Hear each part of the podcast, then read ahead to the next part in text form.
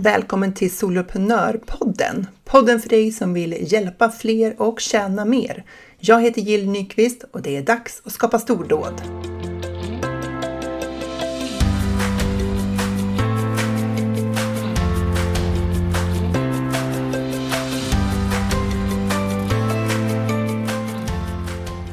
Idag har jag med mig Anna Bjernström som är grundaren till företaget Hall och Hattie. Varmt välkommen till Soloprenörpodden. Tack så jättemycket.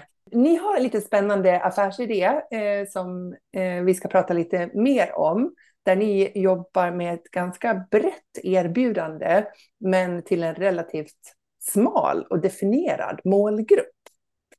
Så att vi ska kasta oss in i det. Eh, men först så får du presentera dig och ditt företag och din kollega som du också driver företaget tillsammans med. Ja, absolut. Ja, men jag heter då Anna Bjärnström och jag är 33 år gammal, bor i Stockholm. Eh, kommer från Sundsvall från början, om det är någon som har lite härlig Norrlandsdialekt. Och jag kommer ju då från skönhetsbranschen från början och har drivit egen salong och jobbat som frisör i nästan 15 år. Innan jag valde att eh, studera till digital affärsutvecklare.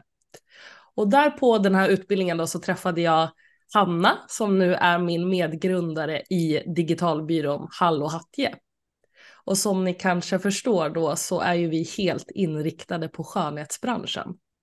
Så, så ni träffades där på utbildningen alltså? Ni kände inte ja. varandra innan? Nej, det gjorde vi inte. Och så sa det klick? Ja, det var verkligen så. Jag är lite så här energimänniska så jag kände direkt på uppropet som var online jag bara, Hanna, ja men henne blir det. Så jag skrev till henne på LinkedIn så här, ska du till skolan någonting? Och så visade det sig att hon bodde ganska långt bort ifrån skolan. Hon bara, nej men jag kommer köra på på distans så mycket som det går. Jag bara, tusan också. Jag som tänkte att här har jag en partner in crime direkt då, för min eh, man var hemma och var föräldraledig när jag började plugga. Så jag kunde inte sitta hemma, så jag ville gärna vara på skolan så mycket som möjligt. Så jag försökte liksom kroka armen om direkt sådär. Ja. Eh, men sen så eh, efter corona och det började liksom lugna ner sig, då skulle vi vara på plats och då högg vi tag i varandra ganska snabbt där när vi sågs. Så att det föll sig jättenaturligt faktiskt. Superkul. Vad, vad spännande att du liksom fick den ingivelsen och så stämde den mm. också. Ja. ja, men vi kommer från ganska liknande liksom förhållanden i det att vi båda är, ja men har två små barn var och bara det är så här ganska bra för då har man ganska samma liksom värderingar i hur man vill lägga upp sin dag när man studerar och man kanske vill börja tidigt på morgonen och äta middag med familjen och sådär. Så det kändes som att så här, ja, men det här kommer bli en bra pluggkompis. Mm. Men sen att vi skulle komplettera varandra så bra, det visste jag ju såklart inte då, men min känsla var jättepositiv, så det är så himla kul. Hur länge har ni drivit företaget nu? Vi körde igång i juni kan man säga då, men sen hade vi ju planerat då semester och så med familjen. Så att egentligen start i augusti. Så det är supernytt. Ja, just det. Ja. ja. Och det blev skönhetsbranschen därför att? Ja, det är ju min liksom, bakgrund egentligen och det enda som jag har sysslat med hela livet. Så det föll sig väldigt naturligt för att jag har sett det här behovet eh, själv och varit på andra sidan och känt att när man jobbar på salong eller alla typer av yrken som är liksom praktiska så är det svårt att få in den här digitala delen i det för att man, man är så långt ifrån liksom datorer och sådär i sin vardag. Plus att man ofta har det här rullande schemat och det är svårt att liksom fånga upp och få in de här stunderna att göra de här grejerna som vi nu hjälper till med. Mm. Men eh, eh Hanna kommer inte från skönhetssalongsvärlden, eller? Nej, hon kommer från försäljningsbranschen sen innan, så hon har en jättelång erfarenhet både liksom kring försäljning och eh, ledarskap. Och sen har hon ett stort hållbarhetsintresse, så hon har eh, kompletterat med en till utbildning på IOM som är inom hållbar e-handel. Och det tycker vi är jättekul kombination, för vi ser ju nu att det är väldigt mycket hudvårdsmärken och hårvårdsmärken som försöker eh, bli mer hållbara, både när det gäller ingredienser men också eh, förpackningar. Och hur man då ska kommunicera det ut mot kund på ett bra sätt. Och där kan ju vi vara liksom ett jättebra stöd i det med tanke på Hannas bakgrund. Så att det är eh, superbra komplement till, till mina liksom, insikter då från liksom, branschen. Så. Mm. Och vad, eh, om du skulle beskriva vilka, vilka det är ni hjälper och vad ni hjälper dem med, då, hur låter det? Mm.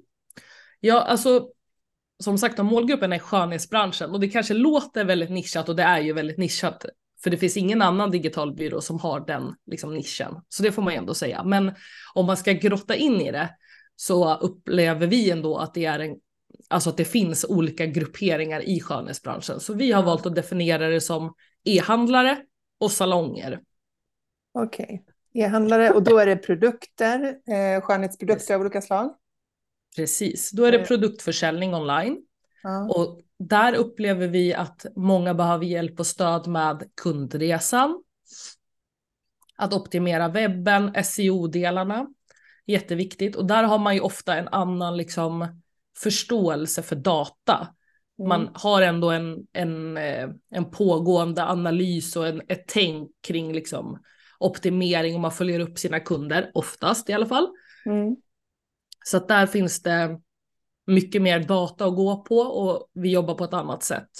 När det gäller salongerna så handlar det väldigt mycket om att nå ut och få in nya bokningar. Och idag så upplever vi att det är någonting som eh, Instagram är kanonbra på. Eh, just att bygga relation med kunderna. Så TikTok är ju också superkul. Och det är ju mer liksom kreativt och roligt och underhållande. Men just när det gäller att bygga lojala relationer med kunderna så tycker vi Instagram är kanon för skönhetsbranschen just nu. Och eh, vad är det ni hjälper kunderna med på Instagram då? då? Ja, ja, men då jobbar vi egentligen på olika sätt. Om man tänker e-handlarna, där handlar det mycket om att leverera en strategi. Många har ju kanske någon person inhouse som kan jobba vidare med den, eller så kan vi hjälpa till med publiceringen, men det ser vi lite som en sidogrej när det gäller det. Eh, när det gäller salongerna då, då har vi precis nu släppt en ny tjänst eller program ska jag säga som vi kallar Instagram Grow and Glow. Så det är egentligen ett, ett att göra själv-program där de får mm. ta del av vår kompetens steg för steg men utföra arbetet själv.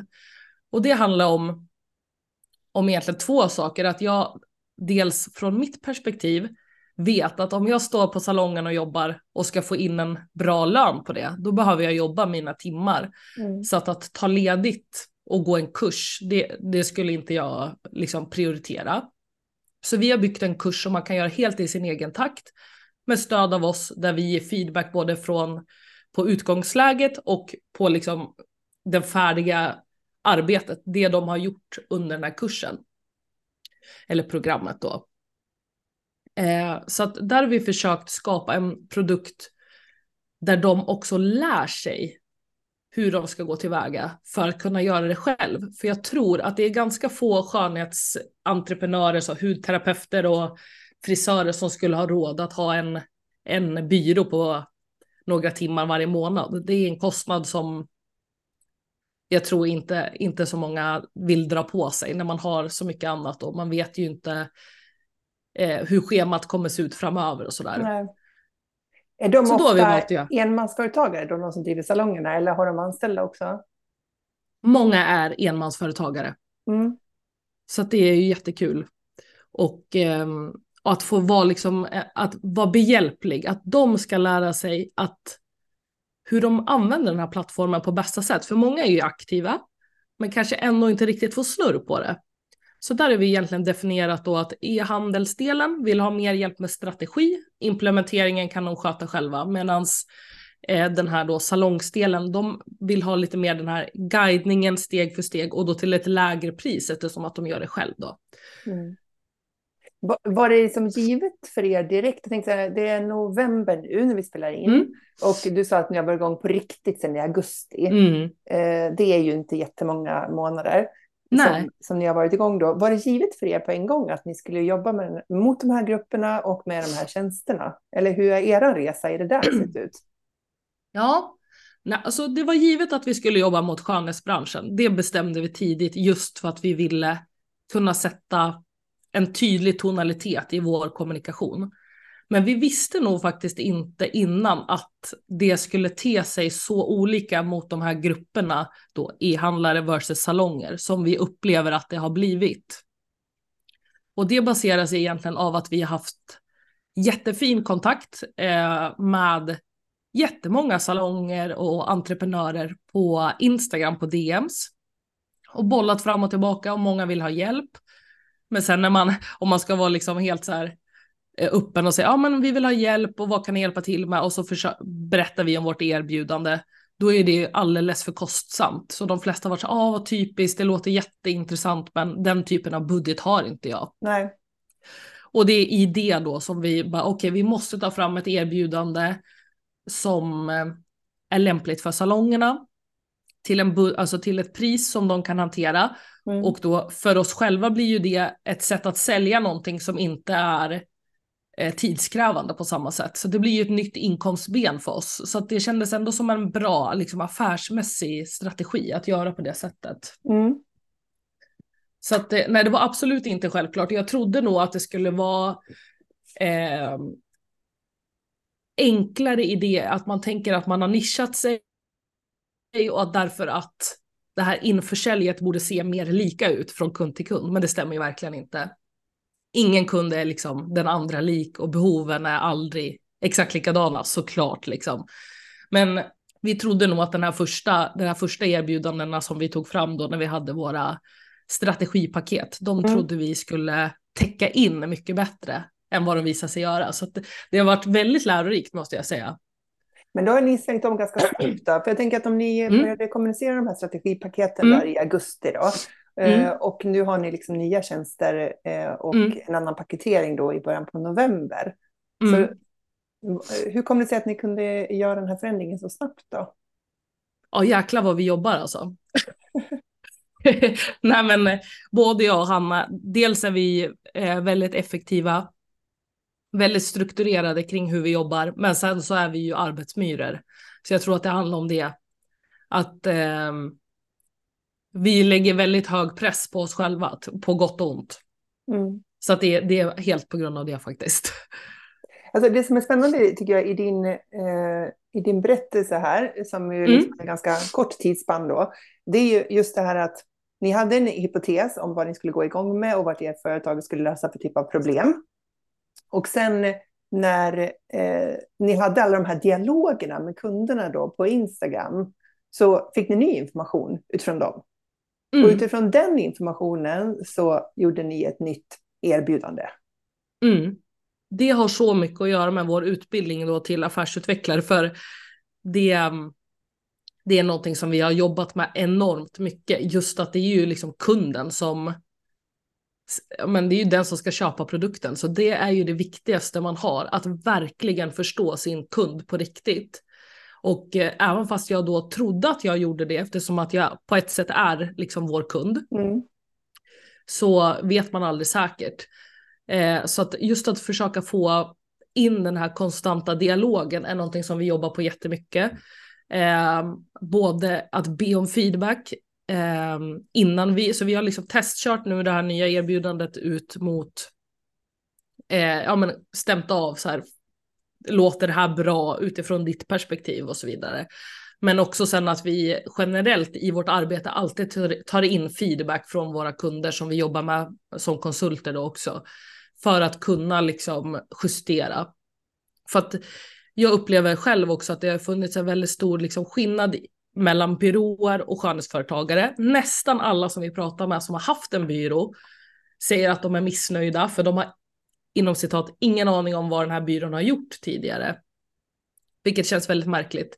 Och då inser man ju att någonstans så är det en kommunikationsbrist mm. där byrån förmedlar massa ord som att ja, vi har förbättrat CTA, ni rankar nu på det här sökordet och som mottagaren bara tycker är liksom babbel babbel och de mm. förstår inte liksom vad det innebär.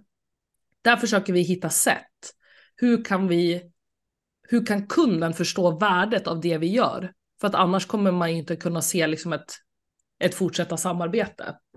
Så att det tror jag är en jätteviktig del och eftersom att vi båda är så nya i just den här branschen eller om man ska säga så kommer vi in med helt andra ögon. Så vi har ingen liksom behov av att visa att vi kan alla de här coola liksom, orden och roas och vi kan, alltså det fyller liksom ingen funktion i vår kommunikation överhuvudtaget utan vi försöker hålla oss liksom till vanliga ord. Mm. Så att folk ska förstå vad det är vi gör. Eh, och det är det jag upplever faktiskt är en jättestor skillnad mot våra kollegor i branschen. Jag tror att många som lyssnar nu skulle älska att få feedback från som kunder, men också från Mm. liksom, ha de här dialogerna på Instagram Mm. till exempel. Men eh, många som jag eh, pratar med tycker att det är svårt att få igång de här dialogerna. Hur Mm. har ni gjort Mm. liksom, för att få folk att orka bry sig om att ge er feedback eller skicka DM eller sådär? Mm. Jag ska säga att vi har fortfarande en lång bit på vägen för vi, vi önskar såklart, det gör man väl alltid, ännu mer engagemang i form av eh, kommentarer och så vidare. Eh, och, men jag tror i stora hela att det handlar om att våga vara sårbar och visa att man liksom bryr sig om kunden. Så att eh, vi brukar skicka någon typ av liksom kallt DM till de vi börjar följa och skriva eh, liksom då handlar det väldigt mycket om min historia, lite storytelling om varför vi är den vi är, inte bara liksom hej vi är en digital byrå, utan verkligen förmedla att jag kommer från branschen och vi vill liksom eh, lyfta den här branschen och göra den bättre. Att de ska känna att eh, vi verkligen vill tillföra ett värde för deras skull. Och då svarar ju många, och vad roligt att följa er. Det ska bli kul, eller jag behöver tips om det här. Och där får man ju en naturlig öppning att fortsätta diskussionen. Så ah, okej, men uh, hur kommer det sig att du behöver tips om, om annonsering? Och uh, ja, men till exempel. Mm. Eh, för jag tror att det är det som behövs att få den här lilla, lilla öppningen. Mm. Men sen någonting som vi har gjort som är, har varit jättelyckat, det är ju att vi försöker möta våra kunder där de är. Så vi har varit på eh, Stockholm Beauty Week nu i våras och vi var på hud och kosmetikmässan som var nu ja, men i början av hösten. Vi ska vara med på Stockholm Beauty Week igen nu i höst och sen ska vi vara på Cosmo Nord-mässan i Göteborg i eh, nästa vår. Så att eh, vi försöker gå på liksom branschevenemang mer än vad vi håller till på så e-handelsmässor. Mm. Det är ju vår egentliga bransch, men de vi jobbar mot är ju de är ju på de här skönhetsmässorna. Och jag har ju varit på dem massa gånger själv innan Ja. också. Och, och eh, där finns det så, sån bra möjlighet att prata på riktigt. Visa att man bryr sig om branschen. För annars skapar man ju den här, det blir ju en diskrepans. Jag hänger på e-handelsmässor och fortsätter prata om ROAS med mina branschkollegor. Men då tappar jag ju mina liksom, kunder som är på ett helt annat ställe. Så jättevärdefullt att ta del av de här mässorna och märka, eller liksom man märker på hela känslan. Eh, vart befinner de sig? Vilka ämnen väljer de att lyfta på till exempel hud och kosmetikmässan? Okej, de pratar mycket om eh, liksom eh, inkludering. Okej, ja men då verkar det vara ett relevant ämne. Hur skulle vi, är det någonting vi kan hjälpa till med? Eller så här, försöka liksom fånga upp vart befinner de sig? In, det handlar ju inte om oss överhuvudtaget. Ehm, och där har ju vi lyckats göra de här, få de här personliga mötena. Och då kan man ju lätt sen ta upp kontakten i DM så skriva så här, ah, vad kul det var att ses idag. Hittade du någonting på mässan eller hittade du någon ny leverantör eller var det där? Ja, men liksom så här försöka kroka in sig. Och då gör ni det Och på Instagram? Ja, Men liksom, typ, när ni står där, för ni hade ingen monter utan ni gick runt och Nej. liksom... Ja, det där var ju något vi funderade på också för att vi ha, har en bra dialog med SOR som har mässan och de tyckte ju såklart att vi skulle ha monter. Såklart. Men våra, våra kunder är ju då salongerna och det de, de går ju runt för att besöka Leverantörerna. leverantörer och leverantörerna är ju inte vår primära målgrupp. Ehm, så att vi insåg att nej men mingel blir bra. Så vi försöker liksom mingla runt och det är, det är lite, alltså jag är ju då introvert så att det, det, det här var ju, det var ju va. Jag och Hanna fick stålsätta oss. Dag ett gick det så dåligt för oss för vi vågade inte prata med någon. Vi bara, Nej. så dag två sa vi så här, nej men vet du vad, vi, vi kan inte ens gå tillsammans. För det var Nej. som att vi skämdes inför varann. För Ja. att vi tyckte att vi blev så fjantiga. Så vi Ja. bara, nej, du tar höger och jag tar vänster, vi ses liksom. Eh, för att det blev, det blev så, så här stojigt. Så att, då, och det, jag tror att det är det som är med, med mig och Hanna, att vi, vi ger liksom inte upp, utan då är det mer att vi är så här, okej okay, det här funkar ju inte överhuvudtaget. Vi måste ta, vi måste hitta ett, ett nytt grepp. Ja. Eh, så då, dag två, det, det, var toppen. Men oj vad trött vi var sen. Alltså mm. vi var helt, åh, oh, vi bara gick och tog en glass och satt på en bänk och bara, åh. Oh, så här. Eh, för man pratar och det är så mycket intryck och sådär. Mm. Men vi fick så mycket fin feedback sen som vi eh, sammanställde så att det var ja, jättelyckat för vår del. Vad, vad var det för feedback ni fick då? Ja men framförallt att många upplever att vi behövs, ja. att det känns roligt med en byrå som faktiskt kan branschen. Mm. Eh, och sen är många som är väldigt upprörda över tidigare byråer och vill berätta om olika ja, typer dåliga av erfarenheter, dåliga erfarenheter ja. eh, som jag kan förstå. Liksom, alltså skönhetsbranschen är ganska speciell eh, och det är mycket kvinnliga entreprenörer och jag tror att det kan bli en krock i som sagt den här maskulina energin mm. som kommer in eh, och bara liksom gör saker då inom situationstecken. Så att jag tror vi har jättemycket att tillföra. Sen har vi ju en jättestor utmaning i liksom konjunkturen och att, att få människor att våga alltså prova ett samarbete med oss för ta tanken är ju att det vi gör ska generera mer försäljning. Ja, precis, att det är en investering som betalar sig. Ja men precis. Turn of investment. Exakt, exakt. ja. Men just att försöka förmedla det är mm. ju lite svårt utan att verka för säljande. Så mm. det är någonting vi övar på jättemycket faktiskt. Just den här tonaliteten är någonting som vi inte har haft med oss liksom. Alltså hur vi eh, skriver på ett mm. sätt som säljer men ändå känns mjukt och personligt. Den, den balansen är ganska klurig tycker jag, men det är någonting som vi övar på hela tiden och man blir ju bättre. Precis, men det, det gör ju typ alla. Det är ju väldigt sällan ja. man möter någon företagare som bara säger, ja men är det något jag kan så är det här med att sälja utan att vara säljig. Nej, nej det är, det är någonting som de flesta liksom oroar sig för, att man vill inte, man vill kliva fram men man vill göra det på rätt sätt. Man, framförallt vill man göra det på sitt eget sätt. Ja.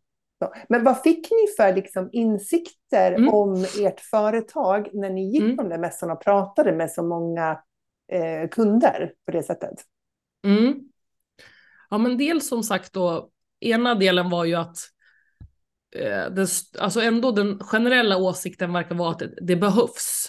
Ja, så ni blev stärkta i er affärsidé ja, på det sättet? Det blev vi stärkta i, men sen mm. då mycket kommentarer kring att eh, kanske sen, eh, när jag har kommit lite längre, när jag har gjort det här och det här, när marknadsbudgeten är satt för XXX och så mm. vidare.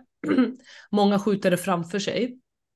Och um, ja, många har ju en väldigt tydlig bild av att de redan gör eh, allting korrekt. Eller så, men jag har en hemsida och jag har en Instagram. Men eh, det finns ju ofta så mycket mer att göra. Så att eh, lite liksom den här känslan av att ännu mer att vi måste försöka hitta de här eh, paketen eller erbjudanden från vår sida som verkligen krokar i deras behov på ett sätt så, så att de inte kan liksom säga nej. De kan inte mm. motstå.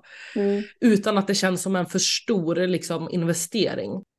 Så att det är skillnad på de, de som jobbar med ren e-handel, där har man ju liksom en prognos på ett annat sätt. Alltså mm. här såg försäljningen ut november förra året och så har vi räknat budgeterat med den här tillväxten och så. Man har ju räknat på det där på ett annat sätt. Så jobbar ju oftast inte liksom enskilda hudterapeuter eller frisörer med sin mm. egen verksamhet.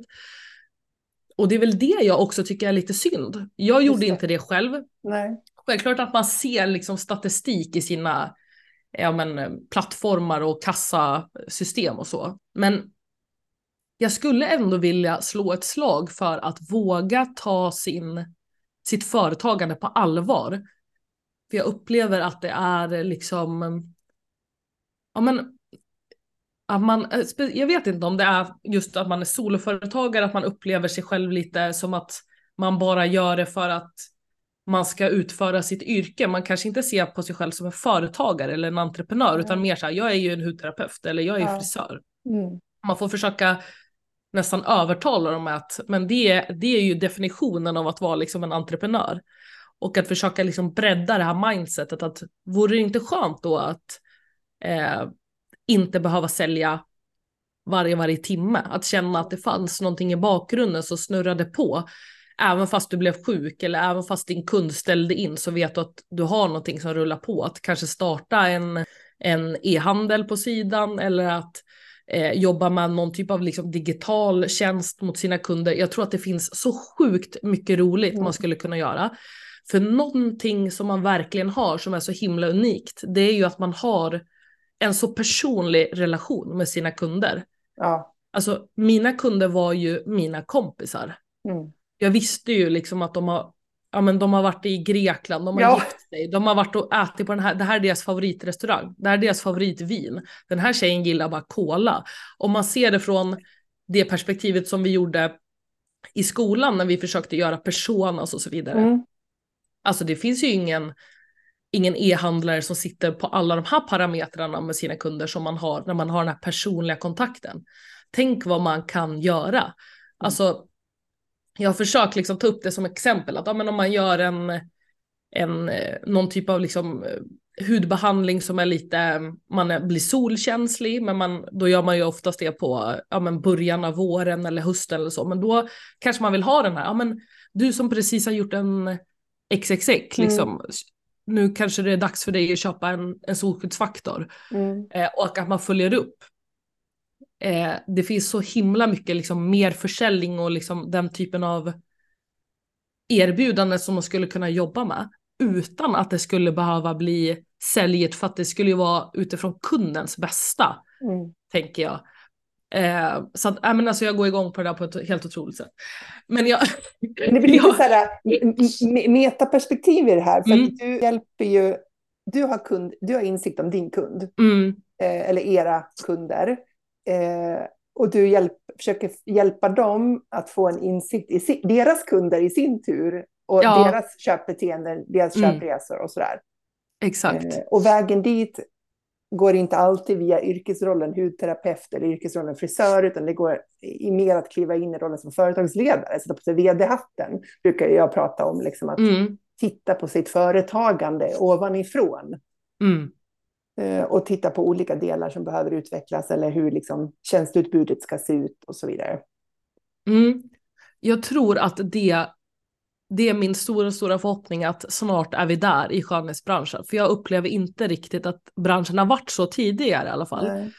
När jag startade eget och b- gick med i så här, vi som är egna frisörer på Facebook, Ja, ja, då tyckte jag att det var, jag blev så nedstämd. För det var så mycket så här, jaha, här har man jobbat i tio år och fortfarande har jag aldrig haft semester och så. Den typen av Ja. inlägg. ja. Så jag kände så här, åh nej, jag kommer alltså tjäna dåligt och inte kunna ha någon semester. Och då tänkte jag, då har jag gjort helt fel val för att jag vill ju bli egen för att tjäna mer och kunna ha mer semester liksom. Jag har ju snurrat in mig totalt. Men det stämmer ju inte, utan det där är ju ett mindshift, alltså man måste, Ja. man måste ställa om sin hjärna. För att jag har aldrig varit ledig så mycket sen jag blev egen. Alltså jag har haft långa semestrar, till och med innan barnen tror jag tog en härlig liksom sex, sju veckors semester på sommaren. Fyra veckors semester efter jul. Det handlar ju om att jag ska få utrymme att göra saker som jag tycker om och mår bra av och det speglas ju sen i företagandet. Så att jag har alltid varit väldigt noga med att eh, försöka liksom komma tillbaka till det. Att eh, Sen får man ju avgöra själv, så vad är viktigast den här månaden? Är det att jag ska komma ner i varv och kunna liksom fokusera lite på mig själv och gå tillbaka och kika på mål och sånt där? Eller är det att jag ska liksom nå ett specifikt budgetmål? Där får man ju Mm. variera kanske Mm. beroende på vart man, vart man är i livet. Ehm, så att jag gick ganska så tydligt från att ha väldigt fasta, den här månaden ska jag omsätta det och jag blev väldigt sporrad av eh, liksom pengamål till att gå till att eh, jag kände att jag behövde landa in mycket mer i mig själv. Det var ju liksom i samband med graviditeter och så här som det kom väldigt så här tydligt för mig att jag måste centrera mig själv och jag måste hitta tillbaka till mig själv och vad är det jag vill göra och sådär. Och det tar ju tid och man måste ju få luft i schemat för att kunna eh, komma dit. Eh, det kommer ju inte hända bara helt plötsligt. Hur skapar man det utrymmet då? ja, men man måste våga tror jag, att skapa det utrymmet. Eh, att eh, säga nej till saker. Eh, och sen, jag tycker för mig då så blev det enklare sen jag fick barn, för då kunde jag nästan liksom eh, skylla på det. Att, eh, men eh, det handlar ju jättemycket om att, att ta sitt eh, eget välmående, att prioritera det. Både när det gäller liksom träning men också det här mentala. Eh, så att för mig har det varit, jag har liksom försökt ha lite olika dagar, kanske en lite lugnare dag på måndagen och sen tisdag, onsdag, torsdag, kötta på lite grann. Jag hade inga problem innan barn att köra på. Jag brukade ofta stå på salongen 12 timmar. Mm. Eh, för att jag hellre liksom hade sådana köttiga dagar och sen hade jag lite lugnare dagar. Där tror jag det är så himla olika hur man är som person. Mm. Eh, men att hitta sina sätt. För det är ju därför man är företagare tänker jag. Eh, I grunden. Men det är väl också det att i de här branscherna då som jag rör mig kring så kanske det inte alltid kommer i Alltså företagandet är inte sprunget från en vilja att bli företagare utan det handlar ju om hur systemet är uppbyggt i att eh, eh, lönerna som anställd är provisionsbaserade, man är fast till vissa tider och mm. det blir mer därför man väljer, man vill gå bort från någonting och så blir man företagare. Det är inte att man väljer att gå till någonting. Ja, just det. Och så blir man företagare så får man en massa andra saker på köpet som man inte kanske alls hade eh, tänkt på eller brinner för på samma sätt. Precis, och för mig var det precis tvärtom. Jag gick över till företagandet och så hittade jag alla de här grejerna som jag kände att till slut så insåg jag att det är roligare än yrket. Ja. Så jag försökte hitta någonting, ett nytt yrke som var så likt som att vara företagare som möjligt. Och man kan ju säga att det är det vi gör nu, jag och Hanna, med Hallå Hattie, att vi går ju in i andras bolag och vi börjar ju alltid med någon typ av liksom analys över nuläget. Och det blir ju lite grann som att starta eget igen då, att man mm. så här, hur ser det här ut och vad finns det för potentiella möjligheter att förändra saker? Och det är ju det absolut roligaste som finns. Alltså mm. jag tycker det är så kul. Att vrida och vända på saker för att oftast så kan det finnas saker som är så lågt hängande som entreprenören bara inte har sett själv för att man, man är ju så, man får ju tunnelseende på det man håller på med. Mm. Lite fräscha ögon um, kan ju göra så mycket. Men ni är ju egentligen liksom i samma fas själv, själv tänker jag mm. då. För mm. ni är i uppstartsfas och ni har behov av ett utvecklingsarbete för ert företag. Samtidigt mm. som er leverans är ett utvecklingsarbete för ett mm. annat företag. Mm. Hur växlar ni mellan liksom att vara i leveransläge och mm. det här utvecklingstiden? Mm. Vi schemalägger dagar. Så vi har väldigt tydligt så blockschema, så varje fredag eh, kommer vi, eh, planerar vi kommande vecka.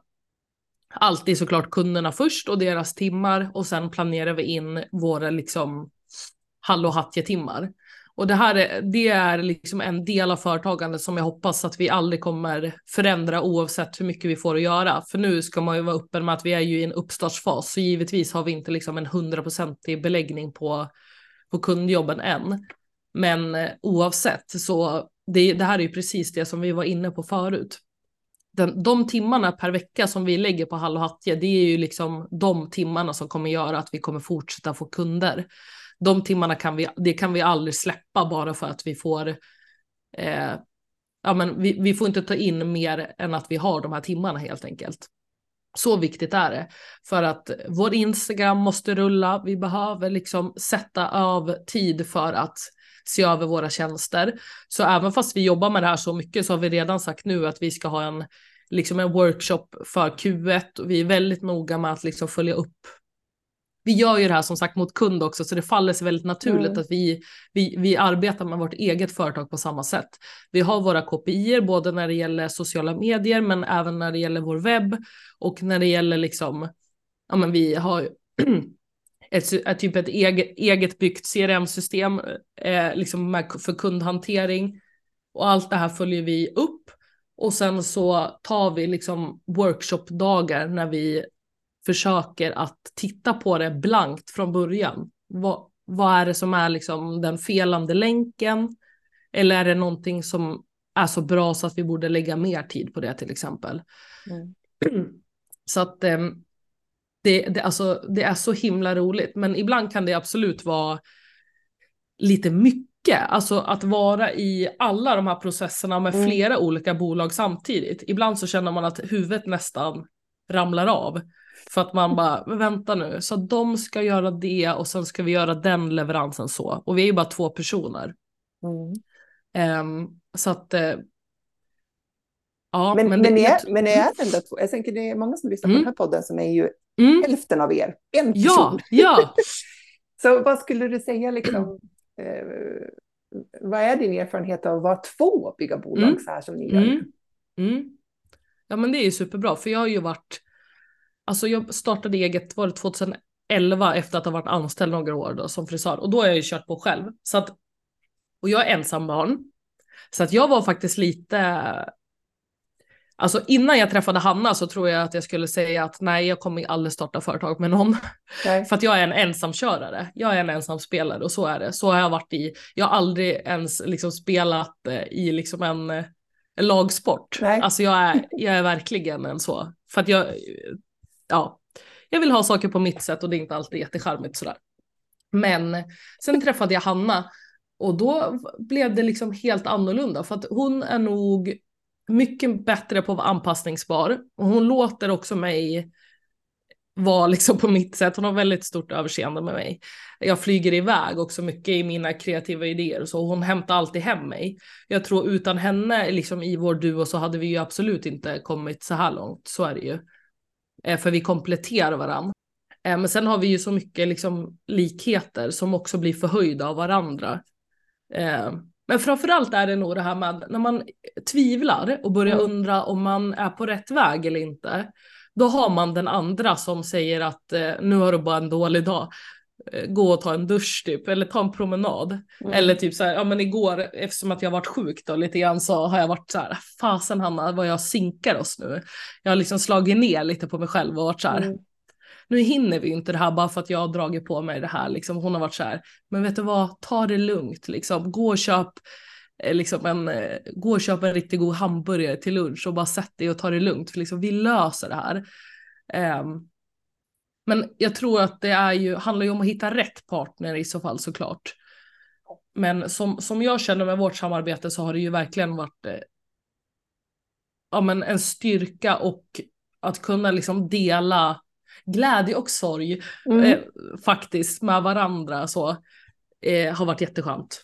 Mm.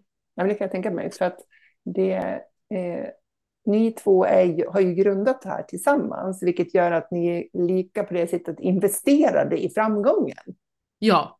För så är det inte riktigt eh, nödvändigtvis om man är eh, en ägare och så har man medarbetare. Nej. Medarbetarna är ju anställda liksom, och, och har ett perspektiv, medan jag som mm. grundare kan ha ett annat perspektiv.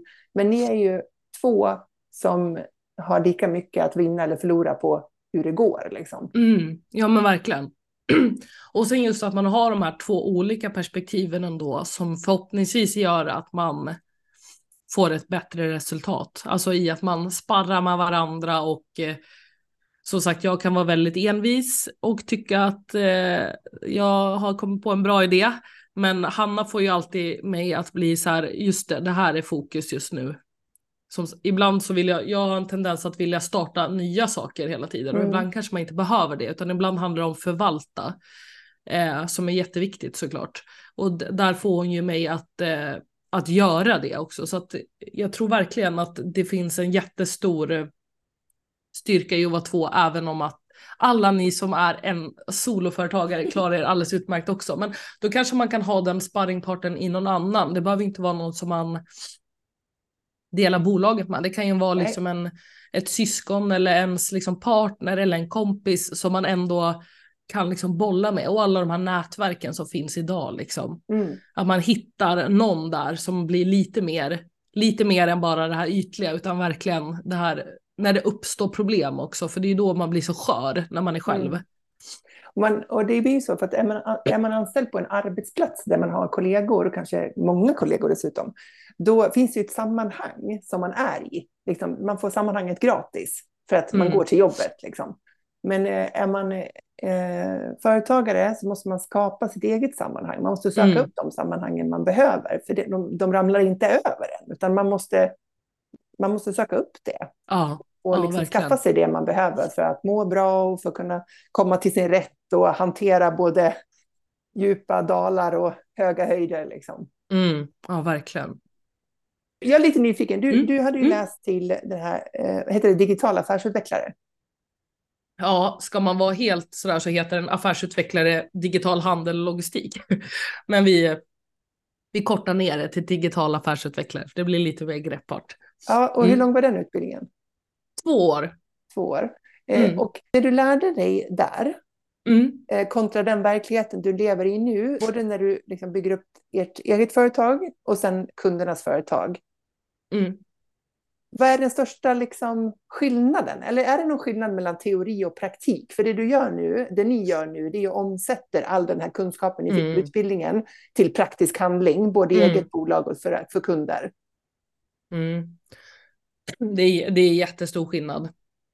Och det tror jag jag var ganska tydlig med från början att jag förstod att det skulle vara så, för det är min uppfattning från liksom livet i allmänhet. Min, min man pluggade till arkitekt liksom i fem år och sen kom han ut och bara, liksom det är som natt och dag, vad man lär sig och vad man gör. Eh, så att jag, eftersom att jag är en praktisk person, så jag satte igång ganska tidigt under utbildningen med att eh, jag skrev ut på LinkedIn och frågade om det var någon som var intresserade av att jag alltså, hjälpte dem eh, kostnadsfritt som liksom ett referensprojekt. Så jag tror, jag, tog, jag kommer inte ihåg hur många det var, var det fyra kunder som jag hjälpte under skolgången eh, med liksom de delarna som vi höll på med i skolan. Mm. Eh, och det gjorde ju att jag fick omsätta hel, alltså, hela tiden informationen till praktisk handling. Mm. Anna- Annars tror jag inte att vi hade kunnat starta företag lika snabbt om vi inte båda hade varit väldigt liksom måna om att under utbildningens gång verkligen förstå vad det är vi läser. För det är så stor skillnad på information och prak alltså praktik. Så, så dels det. Ehm, och sen så jobbade vi med case hela tiden också. Eh, och då jobbade jag och Hanna tillsammans med, vi byggde upp som ett litet, ett, ja men ett företag egentligen under de här två åren nästan då, ja men ett och ett halvt år hann vi nog ändå jobba med det här projektet. Och det drog ju vi så långt eh, såklart, som vi alltid gör. Så att vi bara, ja men det här kommer ju verkligen kunna bli ett företag. Vi gjorde ju alla de här liksom metoderna som vi lärde oss i skolan, men sen startade vi även upp liksom en Shopify, vi byggde allting, vi försökte liksom, vi startade upp en Instagram, vi försökte liksom verkligen så här, det här skulle kunna vara på riktigt, Mm. också för att omsätta det här praktiska, eller till praktiska grejer då. Sen har man ju jättemycket praktik, så vi hade, var det 26 veckor eller något sånt där praktik. Och då kommer man ju ut till en arbetsplats och får möjlighet att, att eh, omsätta det här till handling också. Dock tycker jag det är lite klurigt, och jag tror, jag vet inte om det gäller alla YO-utbildningar, men digital affärsutveckling som praktik, Mm. den är lite klurig. För att det kräver ju liksom att man går in, det är ju verkligen som upplagt för en antingen konsultroll eller en chefsroll, eller i alla fall en roll som man är, har när man är ganska senior på ett Mm. bolag.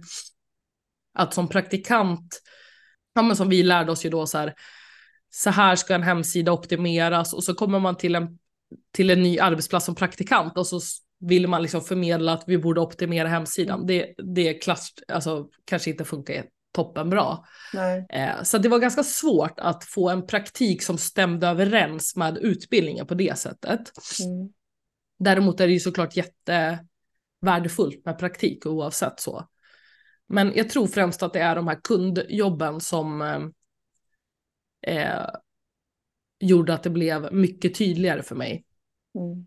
Så det är ett tips till alla som väljer att läsa någonting som är ganska teoretiskt. Att försöka se hur, hur kan man på sitt eget sätt omvandla det till praktik. Om man tycker att det är viktigt. För mig är det jätteviktigt att försöka ha, sätta upp ett ramverk. För att det gjorde ju att vi hade ju redan nu en ganska tydlig grund. Och dess, dessutom gjorde vi vårt, eh, gud jag bara kom på en ny sak. Vi gjorde ett, vårt, vårt exjobb gjorde vi tillsammans jag och Hanna. Och då hjälpte vi en kund i skönhetsbranschen som har ett hudvårdsmärke. Eh, och gjorde de här delarna. Och eh, då gjorde vi så otroligt omfattande projekt så det här gjorde att vi fick möjlighet att sätta mycket strukturer som vi har kunnat arbe alltså arbeta med nu när vi har startat ja. eget också. Perfekt ju. ja. ja, men alltså jag var ju så jäkla taggad. Jag hoppades ju verkligen att jag skulle kunna starta eget efter utbildningen samtidigt som jag tänkte att det också skulle vara på ett sätt skönt att vara anställd för första gången och lite tryggt och så. Mm. Men det passar inte min personlighet. Så det, är bara att, det var bara att hoppa, hoppa ut för kanten igen. Hur har det gått nu då, liksom, de här månaderna som ni har kört? Mm. Liksom? Hur, hur, har ni, hur fick ni in era första kunder där i början? Mm. Ja, men det är nog en kombination av liksom Instagram-närvaro och kalla mejl tror jag egentligen om man verkligen ska dra det till liksom vad grunden har varit i mm. de kunderna vi har landat. Vadå kalla mejl, eh, vad menar du med det? Ja, vi har skickat ut eh, kalla mejl med liksom en, en liten pitch om vad, vad vi jobbar med och vad vi kan hjälpa till med till kunder som vi tror skulle, ja men att det skulle vara en bra match. Mm. Och eh, vi ser ju jättegärna, vi hjälper ju jättegärna alltså märken som har lite hållbarhetstänk så det är mm. ju vår primära liksom målgrupp. Och har du eh, nappat eh, någonting på de kalla mejlen då? Ja men det är ju inte hög frekvens, det är inte, men eh, vi har skickat ut en enorm mängd. Mm.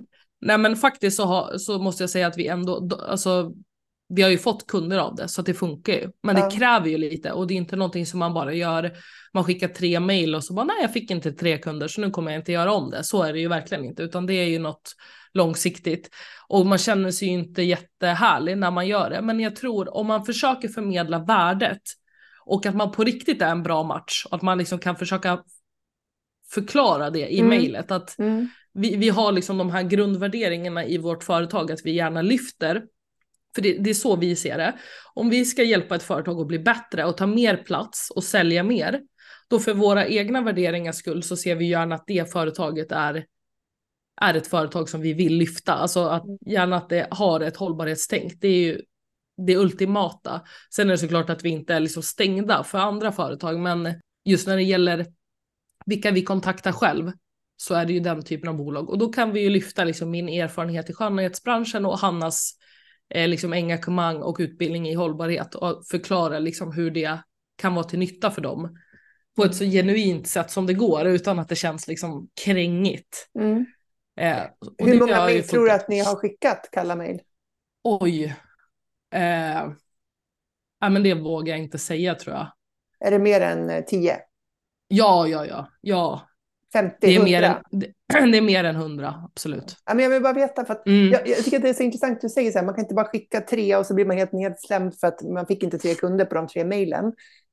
Man behöver höra liksom att här, man måste skicka många. Och inget ja. har gått fel för att det inte funkade på en nej. gång, utan man lär nej. sig vartefter. Liksom. Mm. Um, så för att många kämpar ju med mm. lönsamheten och får mm. kunder och särskilt i början innan man har hittat sina kontaktvägar och eh, byggt upp sin e-postlista och byggt upp sina, liksom, sin räckvidd. Ja, men exakt. Och, sådär. Mm. Eh, och då är det ju värdefullt att höra att, att eh, men det är ihärdighet liksom. Ja, nej, men verkligen. Och struktur. Mm. Alltså att, du, att man gör ett dokument kring så här, de här har jag skickat till och det här är liksom budskapet jag har skickat och det här är datumet. Så att man också kan följa upp ifall att det är någonting kring det eller om det är, ja men bara så att man har struktur så man inte skickar samma typ av meddelande till någon två gånger som uppenbarligen inte är intresserad eller så. Är det det som är ert vi... egen fixade CRM-system? Ja, exakt. Ja. Alltså det, är, ja, det är eh, liksom ett alltså Excel-ark som har spårat ja. ut Tutti med flikar och sådär. ja. Sen har vi ju liksom prioriteringar och sen så kryssar vi i liksom och skriver i vad, vad vi har fått för svar tillbaka och så baserat på det då så blir det liksom en prioritering kring hur het eller kall den här kunden känns. Mm. Eh, och det är det vi tar med oss. Och det, det har vi både för mail och vi har det för Instagram. Så att det är samma där, liksom alla konversationer som vi har på Instagram, de trackar vi i det här dokumentet för att på, på något sätt kunna gradera vilka kunder vi just nu upplever är de hetaste. Mm. Eh, och sen skräddarsyr vi liksom meddelanden eh, till dem. Mm. Eh, alltså där, eftersom att de är liksom närmre oss i köpresan, de är närmare ett köp, så behöver de ju kanske inte få samma typ av liksom grundinformation om oss Nej. som företag. Utan då handlar det ju mer om att vara konkret med liksom en länk eller så här, klicka på den här och köp. Mm. Eh, så att vi försöker jobba jättestrukturerat med det och det gör ju att saker tar tid ibland och ibland blir man lite så här matt. Bara, men gud kan jag inte bara följa tio personer på Instagram? Mm. Nej, det det ska liksom in i dokumentet och liksom fyllas i att jag har börjat följa dem. Om jag har skickat ett, för vi skriver alltid så här, mm, eh, och vi hittade liksom till dig, ja, liksom, det känns som att vi är en bra match, eller vi försöker alltid skriva någon typ av meddelande till dem vi börjar följa. Eh, så att det är ju, det är ju, det är ju jobb. Mm. Inget snack om det. Och det är det jag tror faktiskt är hela nyckeln till företagandet överlag. Det är ju att man måste, alltså det är trägen eh, vinner, kan man Mm. säga så. Mm. Eh, och jag tror att det är, där har vi nytta av att vi är två. För att när en inte orkar, då orkar den andra. Mm. Ehm, för just till exempel mejlandet, det kan man ju bli lite så här, det, är det någon som ens ser de här mejlen? Men då handlar det ju om att folk inte är intresserade. Och sen kan man få liksom om, eh, vi har faktiskt aldrig fått något otrevligt svar, men man skulle ju kunna få ett Mm. otrevligt svar och då tänka att eh, nu ger jag upp. För Mm. all, alla är arga, men det är ju faktiskt bara en då av 20 mejl som har varit arg.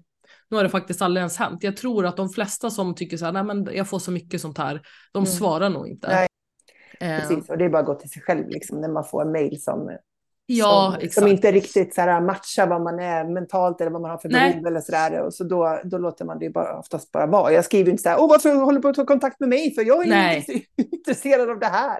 Sluta! Precis. Liksom. Utan man låter det bara vara.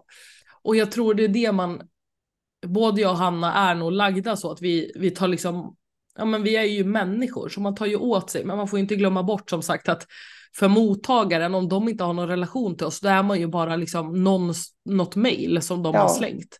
Det är inte värre än så, det är inte så att någon sitter hemma och liksom är arg i flera dagar, då har man ju andra problem. Så jag Ja. tror man måste våga vara lite ihärdig Mm. och våga fråga. Och så som du sa där med konversationerna och sådär, våga. Jag tror jag har, har det med mig för att det är den typen av konversationer jag har haft liksom med mina kunder genom åren, att man har de här personliga konversationerna. Men eh, att man vågar liksom öppna upp och säga, men du, jag håller på, vi håller på att fila på en tjänst, skulle du vilja ge oss feedback? Mm. Det är ju ändå lite sårbarhet i det. det är ju of, oftast inte, du får inte ett nej oftast, utan de flesta vill ju hjälpa till då. Eh, kanske till och med att man kan säga, du, du kan få testköra tjänsten eller du kan få prova till ett förmånligare pris eller alltså beroende på vad det är då såklart. Men det ska man nog inte vara rädd för tror jag. Ha, är det någonting som du vill skicka med den som lyssnar som, som eh, står i startgroparna eller liksom skulle vilja växla upp lite i sitt företagande online som du Mm. inte tycker att du har delat med dig av? Åh, nej men det är nog egentligen, alltså det viktigaste tipset är ju att våga. Mm. om man har den här känslan att så här, "Åh, det här skulle jag vilja göra, då tycker jag man ska göra det. För att det det är ju liksom klyschornas klyscha, men livet är ju så kort. Alltså, jag tror man ångrar sig om man inte vågar. Det värsta som kan hända är ju att man kände att nej, men det här var inte så roligt som jag hade trott. Då kan man gå tillbaka till det man har gjort innan. Ja, ja, precis. Ja, Alltså det är ju verkligen inte svårare än så egentligen. Nej, så tänkte jag när jag startade företag när jag fick panik över att jag inte hade några intäkter och skulle liksom inte ha någon lön och sådär i början. Mm. Så bara, nej men om det inte går, då får vi söka ett jobb då. Ja, Ja, Ja, men jag tror också att det handlar om ett tankesätt kring pengar och lön som man såklart har om man har varit anställd, för då kommer ju lönen den 25 och det är ju, det är ju så det är.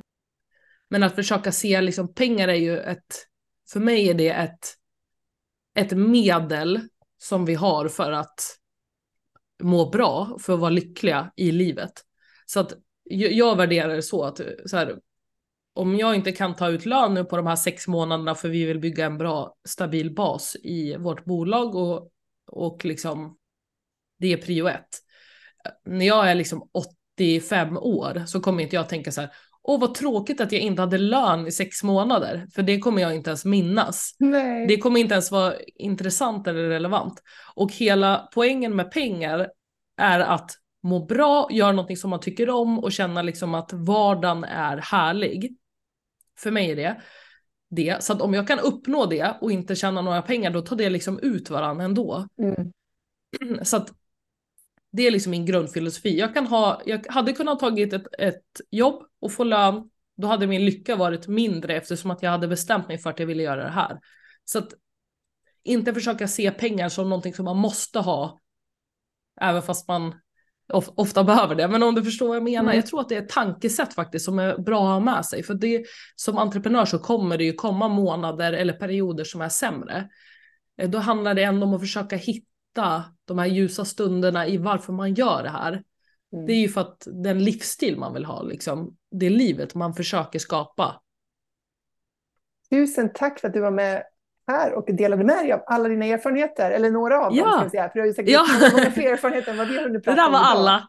Ja, precis. Alla. Tog en timme. Om man nu blir väldigt inspirerad av din mm. story, och, eller kanske till och med jobbar inom skönhetsbranschen, mm. eh, var hittar man er? Mm. På Instagram heter vi hallhatje. Så det är bara att börja följa oss. Skicka ett DM vet jag. Det är vi inte rädda för. Nej. Härligt. Då får man gå in mm. på Instagram och följa ja. er där. Det tycker Så, jag att man ska göra. Tusen tack för att du har varit med. Tack snälla för att jag fick vara med. Jag hoppas att du som lyssnar funderar över hur det här kan bidra till dina stordåd.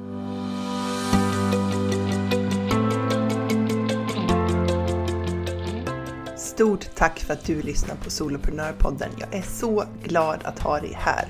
Du får jättegärna lämna mig en review på iTunes och ratea podden. Ge den fem stjärnor om du tycker att den är värd det, så hjälper du mig att sprida den till fler. Eller varför inte ta en skärmdump på det här avsnittet och tagga mig på en story på Instagram, solopreneur.nu.